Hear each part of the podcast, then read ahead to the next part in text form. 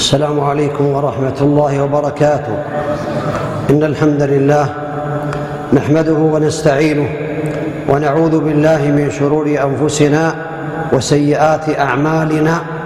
من يهده الله فلا مضل له ومن يضلل فلا هادي له وأشهد أن لا إله إلا الله وحده لا شريك له وأشهد أن محمدا عبده ورسوله. صلى الله عليه وعلى آله وأصحابه وسلم تسليما كثيرا. أما بعد فمزاعم أهل البدع في رجب وفي شعبان وبيان الحق في ذلك من أهم المواضيع ومن أهم المهمات التي ينبغي للمسلم أن يتفقه فيها وأن يعلمها. اولا البدعة لغة الحدث في الدين بعد الإكمال. لو سئلت ما هي البدعة؟ لغة الحدث في الدين بعد الاكمال أو ما استحدث بعد النبي عليه الصلاة والسلام من الأهواء والأعمال. وهي في الاصطلاح ما لم يشرعه الله ورسوله عليه الصلاة والسلام ولم يأمر به أمر إيجاب ولا استحباب. هذه البدعة ولا شك أن البدعة أنواع. بدعة مكفرة تخرج من دين الإسلام وهذه البدعة في الحقيقة كدعاء الأموات وتقديم النذر النذور لهم والاستغاثة بهم وكأقوال غلاة الجهمية غلاة المعتزلة والرافضة. وبدعة مفسقة كوسائل الشرك من البناء على القبور والصلاة والدعاء عندها وإحياء أول ليلة جمعة من رجب كما سيأتي وليلة النصف من شعبان وليلة الإسراء والمعراج وغير ذلك. ولا شك أن العمل لا يكون مقبولا أصلا إلا بشرطين. الشرط الأول الإخلاص لله تعالى في هذا العمل. يقصد وجه الله يرجو ثواب الله في هذا العمل كما قال النبي عليه الصلاة والسلام إنما الأعمال بالنيات وإنما لكل امرئ ما نوى. والشرط الثاني المتابعة للنبي عليه الصلاة والسلام. ولهذا قال عليه الصلاة والسلام من عمل عملا ليس عليه أمرنا فهو رد. وفي رواية من أحدث في أمرنا هذا ما ليس منه فهو رد. والبدع مذمومة ذمها الله تعالى. ذمها النبي عليه الصلاة والسلام ذمها الصحابة وأهل العلم من بعدهم هي مذمومة وقبيحة ولهذا قال الله تعالى هو الذي أنزل عليك الكتاب منه آيات محكمات هن أم الكتاب أخر متشابهات هن أم الكتاب فأما الذين في قلوبهم زيغ فيتبعون ما تشابه منه ابتغاء الفتنة وابتغاء تأويله وما يعلم تأويله إلا الله. وأن هذا صراطي مستقيما فاتبعوه ولا تتبعوا السبل فتفرق بكم عن سبيله. وقال تعالى إن الذين فرقوا دينهم وكانوا شيعا لست منهم في شيء إنما أمرهم إلى الله. قال سبحانه فليحذر الذين يخالفون عن أمره أن تصيبهم فتنة أو يصيبهم عذاب أليم. والنبي عليه الصلاة والسلام كان يقول في خطبه عليه الصلاة والسلام أما بعد فإن خير الحديث كتاب الله تعالى وخير الهدي هدي محمد صلى الله عليه وسلم وشر الأمور محدثاتها وكل محدثة بدعة وكل بدعة ضلالة في رواية النساء وكل ضلالة في النار. فلا شك أن النبي عليه الصلاة والسلام حذر عن البدع كما أمره الله تعالى بذلك. ومن أعظم الأحاديث ما ثبت عن العرباض بن سارية رضي الله عنه أنه قال وعظنا رسول الله صلى الله عليه وسلم موعظة وجلت منها القلوب وذرفت منها العيون فقلنا يا رسول الله كأنها موعظة مودع, مودع فأوصنا قال أوصيكم بتقوى الله والسمع والطاعة وإن تأمر عليكم عبد فإنه من يعش منكم بعدي فسيرى اختلافا كثيرا. فعليكم بسنتي وسنة الخلفاء الراشدين المهديين عضوا عليها بالنواجذ وإياكم ومحدثات الأمور فإن كل بدعة ضلالة. ومن أعظم الأحاديث الذي سأذكره في ختام هذه الأحاديث حديث حذيفة وهو يشمل جميع أنواع البدع. قال كان الناس يسألون رسول الله صلى الله عليه وسلم عن الخير وكنت أسأله عن الشر مخافة أن يدركني؟ فقلت يا رسول الله إنا كنا في جاهلية وشر فجاءنا الله بهذا الخير فهل بعد هذا الخير من شر؟ قال نعم. قال فقلت هل بعد ذلك الشر من خير؟ قال نعم وفيه دخن قال قلت وما دخنه قال قوم يستنون بغير سنتي ويهدون بغير هدي تعرف منهم وتنكر. فقلت هل بعد ذلك الخير من شر؟ قال نعم دعاة على أبواب جهنم من أجابهم إليها قذفوه فيها. فقلت يا رسول الله صفهم لنا. قال نعم قوم من جلدتنا يتكلمون بألسنتنا. قلت يا رسول الله فما تأمرني إن أدركني ذلك؟ قال تلزم جماعة المسلمين وإمامهم. قلت فإن لم يكن لهم جماعة ولا إمام قال فاعتزل تلك الفرق كلها ولو أن تعض على أصل شجرة, شجرة حتى يدركك الموت وأنت على ذلك والحديث متفق على صحته. وقال أبو بكر رضي الله عنه أيها الناس إنما أنا متبع ولست مبتدع فإن أحسنت فأعينوني وإن زغت فقوموني هكذا يقول الصحابة رضي الله عنهم. قال عمر رضي الله عنه إياكم وأصحاب الرأي فإنهم أعداء السنن أعيتهم الأحاديث أن يحفظوها فقالوا بالرأي فضلوا وأضلوا. قال الإمام مالك رحمه الله من ابتدع في الإسلام بدعة يراها حسنة فقد زعم أن محمدا صلى الله عليه وسلم خان الرسالة لأن الله يقول اليوم أكملت لكم دينكم اليوم أكملت لكم دينكم وأتممت عليكم نعمتي. فما لم يكن يومئذ دينا فلا يكون اليوم دينا. ومن الأمور التي ينبغي للمسلم أن يعلمها أسباب البدع. ما سبب وقوع البدع بين الناس؟ السبب الأول الجهل. قل إنما حرم ربي الفواحش ما ظهر منها وما بطن والإثم والبغي بغير الحق وأن تشركوا بالله ما لم ينزل به سلطانا وأن تقولوا على الله ما لا تعلمون. وقال تعالى إن قال النبي عليه الصلاة والسلام إن الله لا يقبض العلم انتزاعا ينتزعه من العباد ولكن يقبض العلم بقبض العلماء حتى إذا لم يبقى عالم اتخذ الناس رؤوسا في بعض الروايات جهالا فسئلوا فأفتوا بغير علم فضلوا وأضلوا. هذا من أسباب البدع. اتباع الهوى. أفرأيت من اتخذ إله هواه؟ وأضله الله على علم وختم على سمعه وقلبه وجعل على بصره غشاوة فمن يهديه من بعد الله أفلا تذكرون. كذلك من الأسباب الشبهات والتعلق بها من أسباب وقوع البدع وهو الذي أنزل عليك الكتاب كما قال الله تعالى هو الذي أنزل عليك الكتاب منه آيات محكمات هن أم الكتاب أخر متشابهات. فأما الذين في قلوبهم زيغ فيتبعون ما تشابه منه ابتغاء الفتنة وابتغاء تأويله.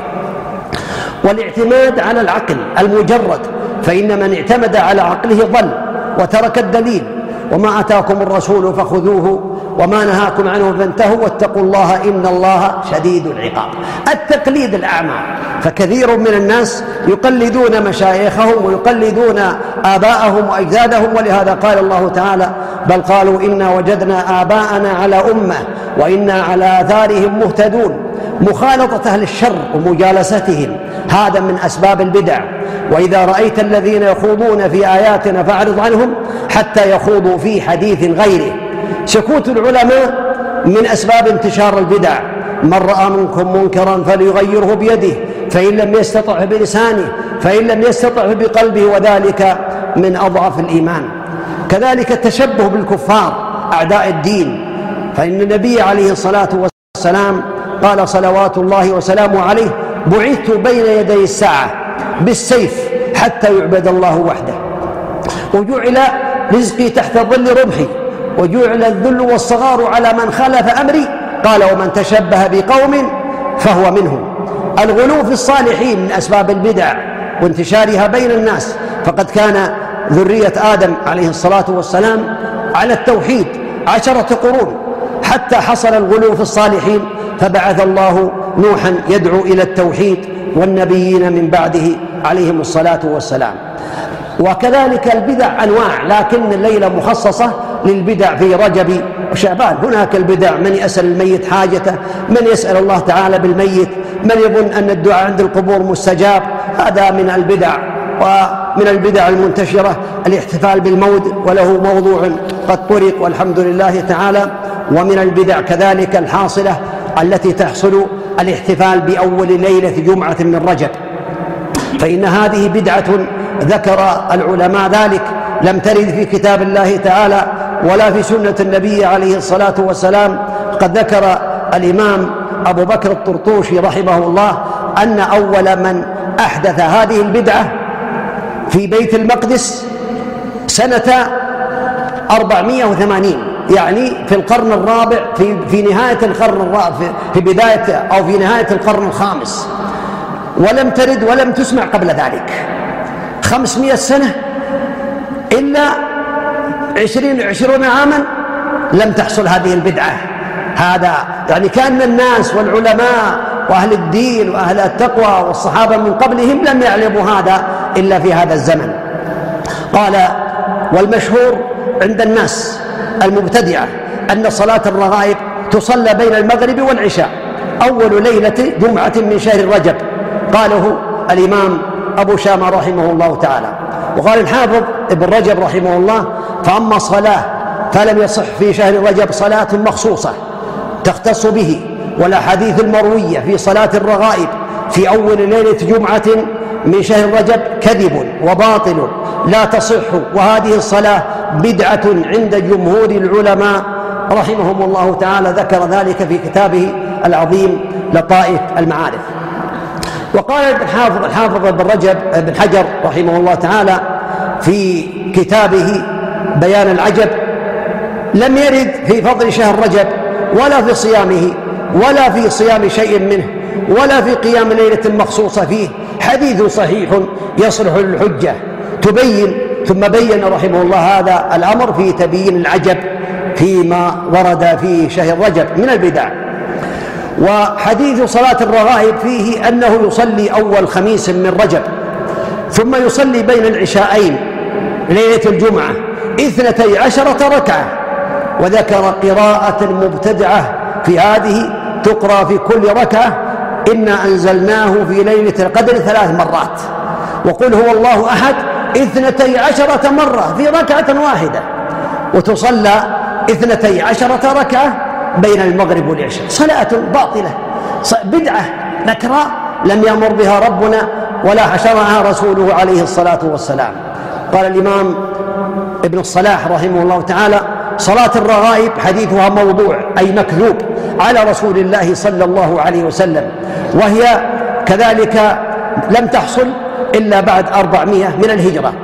وقال الإمام العز ذكرت هذه الأقوال حتى يعلم المسلم أن العلماء كل أهل السنة مجمعون على أن هذه الصلاة بدعة منكرة. لا يأتي إليها إلا جاهل ولا يعملها إلا جاهل.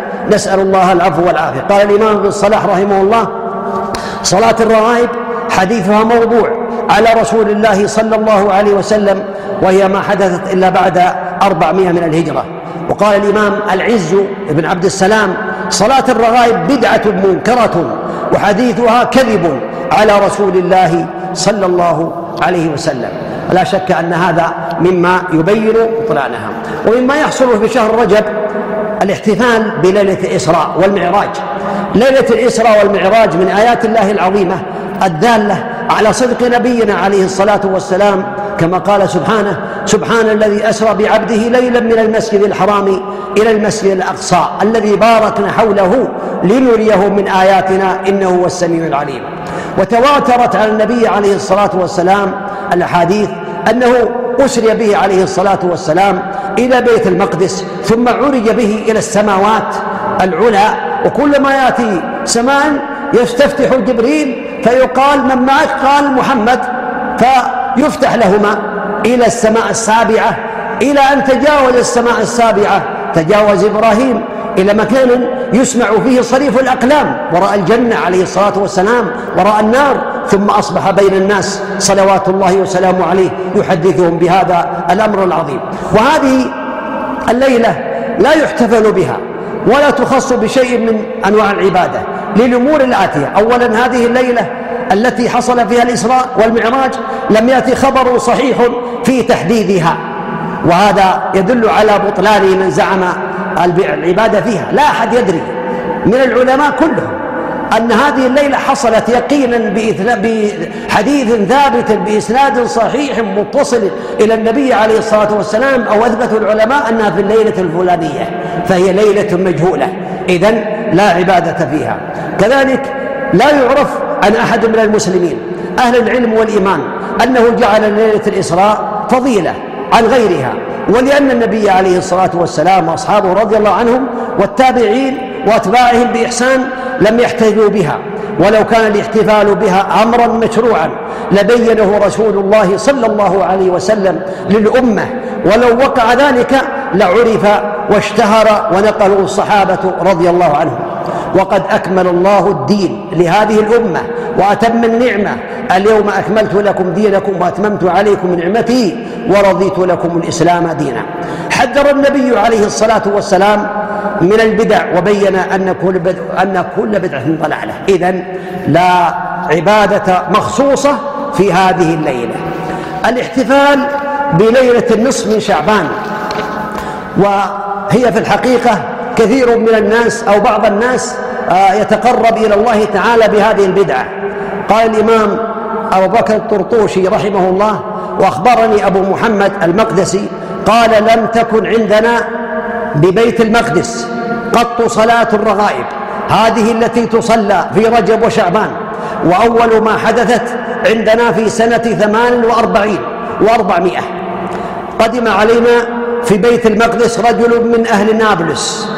يعرف بابن أبي الحمراء وكان حسن الصوت حسن التلاوة.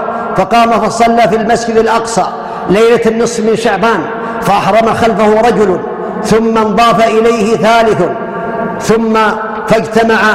فما انتهت الجماعة إلا وهي جماعة كبيرة ثم جاء في العام القابل. فصلى معهم فصلى معه خلق كثير ثم جاء من العام القابل فصلى معه خلق كثير وشاعت في المسجد وانتشرت الصلاة في المسجد الأقصى وبيوت الناس ومنازلهم ثم استقرت كأنها سنة إلى يومنا هذا كتاب الحوادث والبدع للطرطوشي رحمه الله تعالى. هذا يدل على عظم الأمر. وذكر الإمام أبو شامة الشافعي أنه يقال لصلاة النصف من شعبان الألفية لأنها يقرأ فيها ألف, ألف مرة قل هو الله أحد. ألف مرة تقرأ قل هو الله أحد. ولأنها مئة ركعة. في كل ركعة يقرأ بالفاتحة وسورة والإخلاص عشر مرات. سبحان الله. سبحان الله. مئة ركعة يقرأ في كل ركعة عشر مرات. تكون ألف. وصلاة طويلة مستحدثة بدعة. قال الإمام عبد العزيز ابن عبد الله ابن باز في كتابه التحذير من البدع. وأما ما اختاره الأوزاعي رحمه الله تعالى من استحباب قيامها للأفراد واختيار الحافظ ابن رجب لهذا القول فهو غريب وضعيف غريب وضعيف لأن كل شيء لم يثبت بالأدلة الشرعية كونه مشروعا لم يجز للمسلم أن يحدثه في دين الله سواء فعله مفردا أو جماعة وسواء أسره أو أعلنه لعموم قول النبي عليه الصلاة والسلام من عمل عملا ليس عليه أمرنا فهو رد. والذي عليه المحققون الراسخون في العلم أن تخصيص ليلة النصف من شعبان بصلاة أو غيرها من العبادة غير المشروعة بدعة لا أصل لها من كتاب ولا سنة ولم يعمل ولم يعمل بها أحد من أصحاب النبي صلوات الله وسلامه عليه. وأختم كلامي بآثار البدع وأضرارها السيئة التي تقع على الناس وتحصل للناس. من هذه الأضرار أن البدع بريد الكفر. بريد الكفر كما قال النبي عليه الصلاة والسلام لتتبعن سنن من كان قبلكم شبرا بشبر وذراعا بذراع حتى لو دخلوا جحر رب لاتبعتموهم. قلنا يا رسول الله اليهود والنصارى قال فمن؟ والقول على الله بغير علم هذا من آثار البدع بغير علم كما تقدم وقد قال النبي عليه الصلاة والسلام من تعمد علي كذبا فليتبوأ مقعده من النار. رد عمل المبتدع فعمله مردود. من أحدث في عمل في أمرنا هذا ما ليس منه فهو رد. بغض المبتدعة للسنة كل مبتدع يبغض سنة النبي عليه الصلاة والسلام ويبغض أهلها. ولهذا أحدث في قال من أحدث في أمرنا هذا ما ليس منه فهو رد. علامات أهل البدع أو من علاماتهم الظاهرة على أنهم يكرهون أهل السنة وكذلك حملة أخبار النبي عليه الصلاة والسلام وكذلك من هذه الآثار ومن هذه الأضرار سوء عاقبة المبتدع لأن الشيطان يريد أن يوقع الإنسان في عقبة من عدة العقبات السبع فالعقبة الأولى الشرك بالله فإن نجا العبد من هذه العقبة طلبه الشيطان على عقبة البدعة وهذا يؤكد أن البدع أخطر من المعاصي. البدعة لا يتوب صاحبها منها في الغالب إلا من تداركته رحمة الله تعالى وإحسانه. فعن أنس رضي الله عنه قال قال رسول الله صلى الله عليه وسلم إن الله حجب التوبة عن صاحب كل بدعة. أخرجه الطبراني وهو حديث ثابت صحيح عن النبي عليه الصلاة والسلام. ولهذا قال سفيان الثوري البدعة أحب إلى إبليس من المعصية فإن المعصية يتاب منها والبدعة لا يتاب منها. والمعنى أن المبتدع يزين له سوء عمله فيراه حسنا فهو لا يتوب ما دام يراه حسنا ولكن التوبة ممكنة وواقعة ومن قال إن توبة المبتدع غير مقبولة مطلقا فقد غلط غلطا منكرا. فإذا وفقه الله للتوبة بشروطها تاب الله عليه. لكن معنى هذا الحديث أنه في الغالب لأنه يرى أن بدعته سنة ويرى أنه يثاب عليها. انعكاس فهم المبتدع فيرى الحسنة. سيئة والسيئة حسنة والسنة بدعة والسنة بدعة والبدعة سنة. ولهذا قال حذيفة والله لا تفتنن البدع والله لتفشون البدع. في إذا ترك فإذا ترك منها شيء قالوا تركت السنة. عدم قبول شهادة المبتدع الذي يكفر ببدعته وكذلك من كان داعية إلى بدعته. هذا من آثارها. المبتدعة أكثر من يقع في الفتن. فقد حذر الله من الفتن واتقوا فتنة لا تصيبن الذين ظلموا منكم خاصة. فليحذر الذين يخالفون عن أمره أن تصيبهم فتنة أو يصيبهم عذاب أليم. المبتدع استدرك على الله واستدرك على الشرع لأن الله قد كمل الدين. اليوم أكملت لكم دينكم وأتممت عليكم نعمتي ورضيت لكم الإسلام دينا. المبتدع يتلبس يتلبس عليه أو يلتبس عليه الحق بالباطل لأنه لم يقم بما أوجب الله عليه. يا أيها الذين آمنوا اتقوا الله يا أيها الذين آمنوا إن تتقوا الله يجعل لكم فرقانا ويكفر عنكم سيئاتكم. فرقانا تفرقون بين بين به بين الحق والباطل.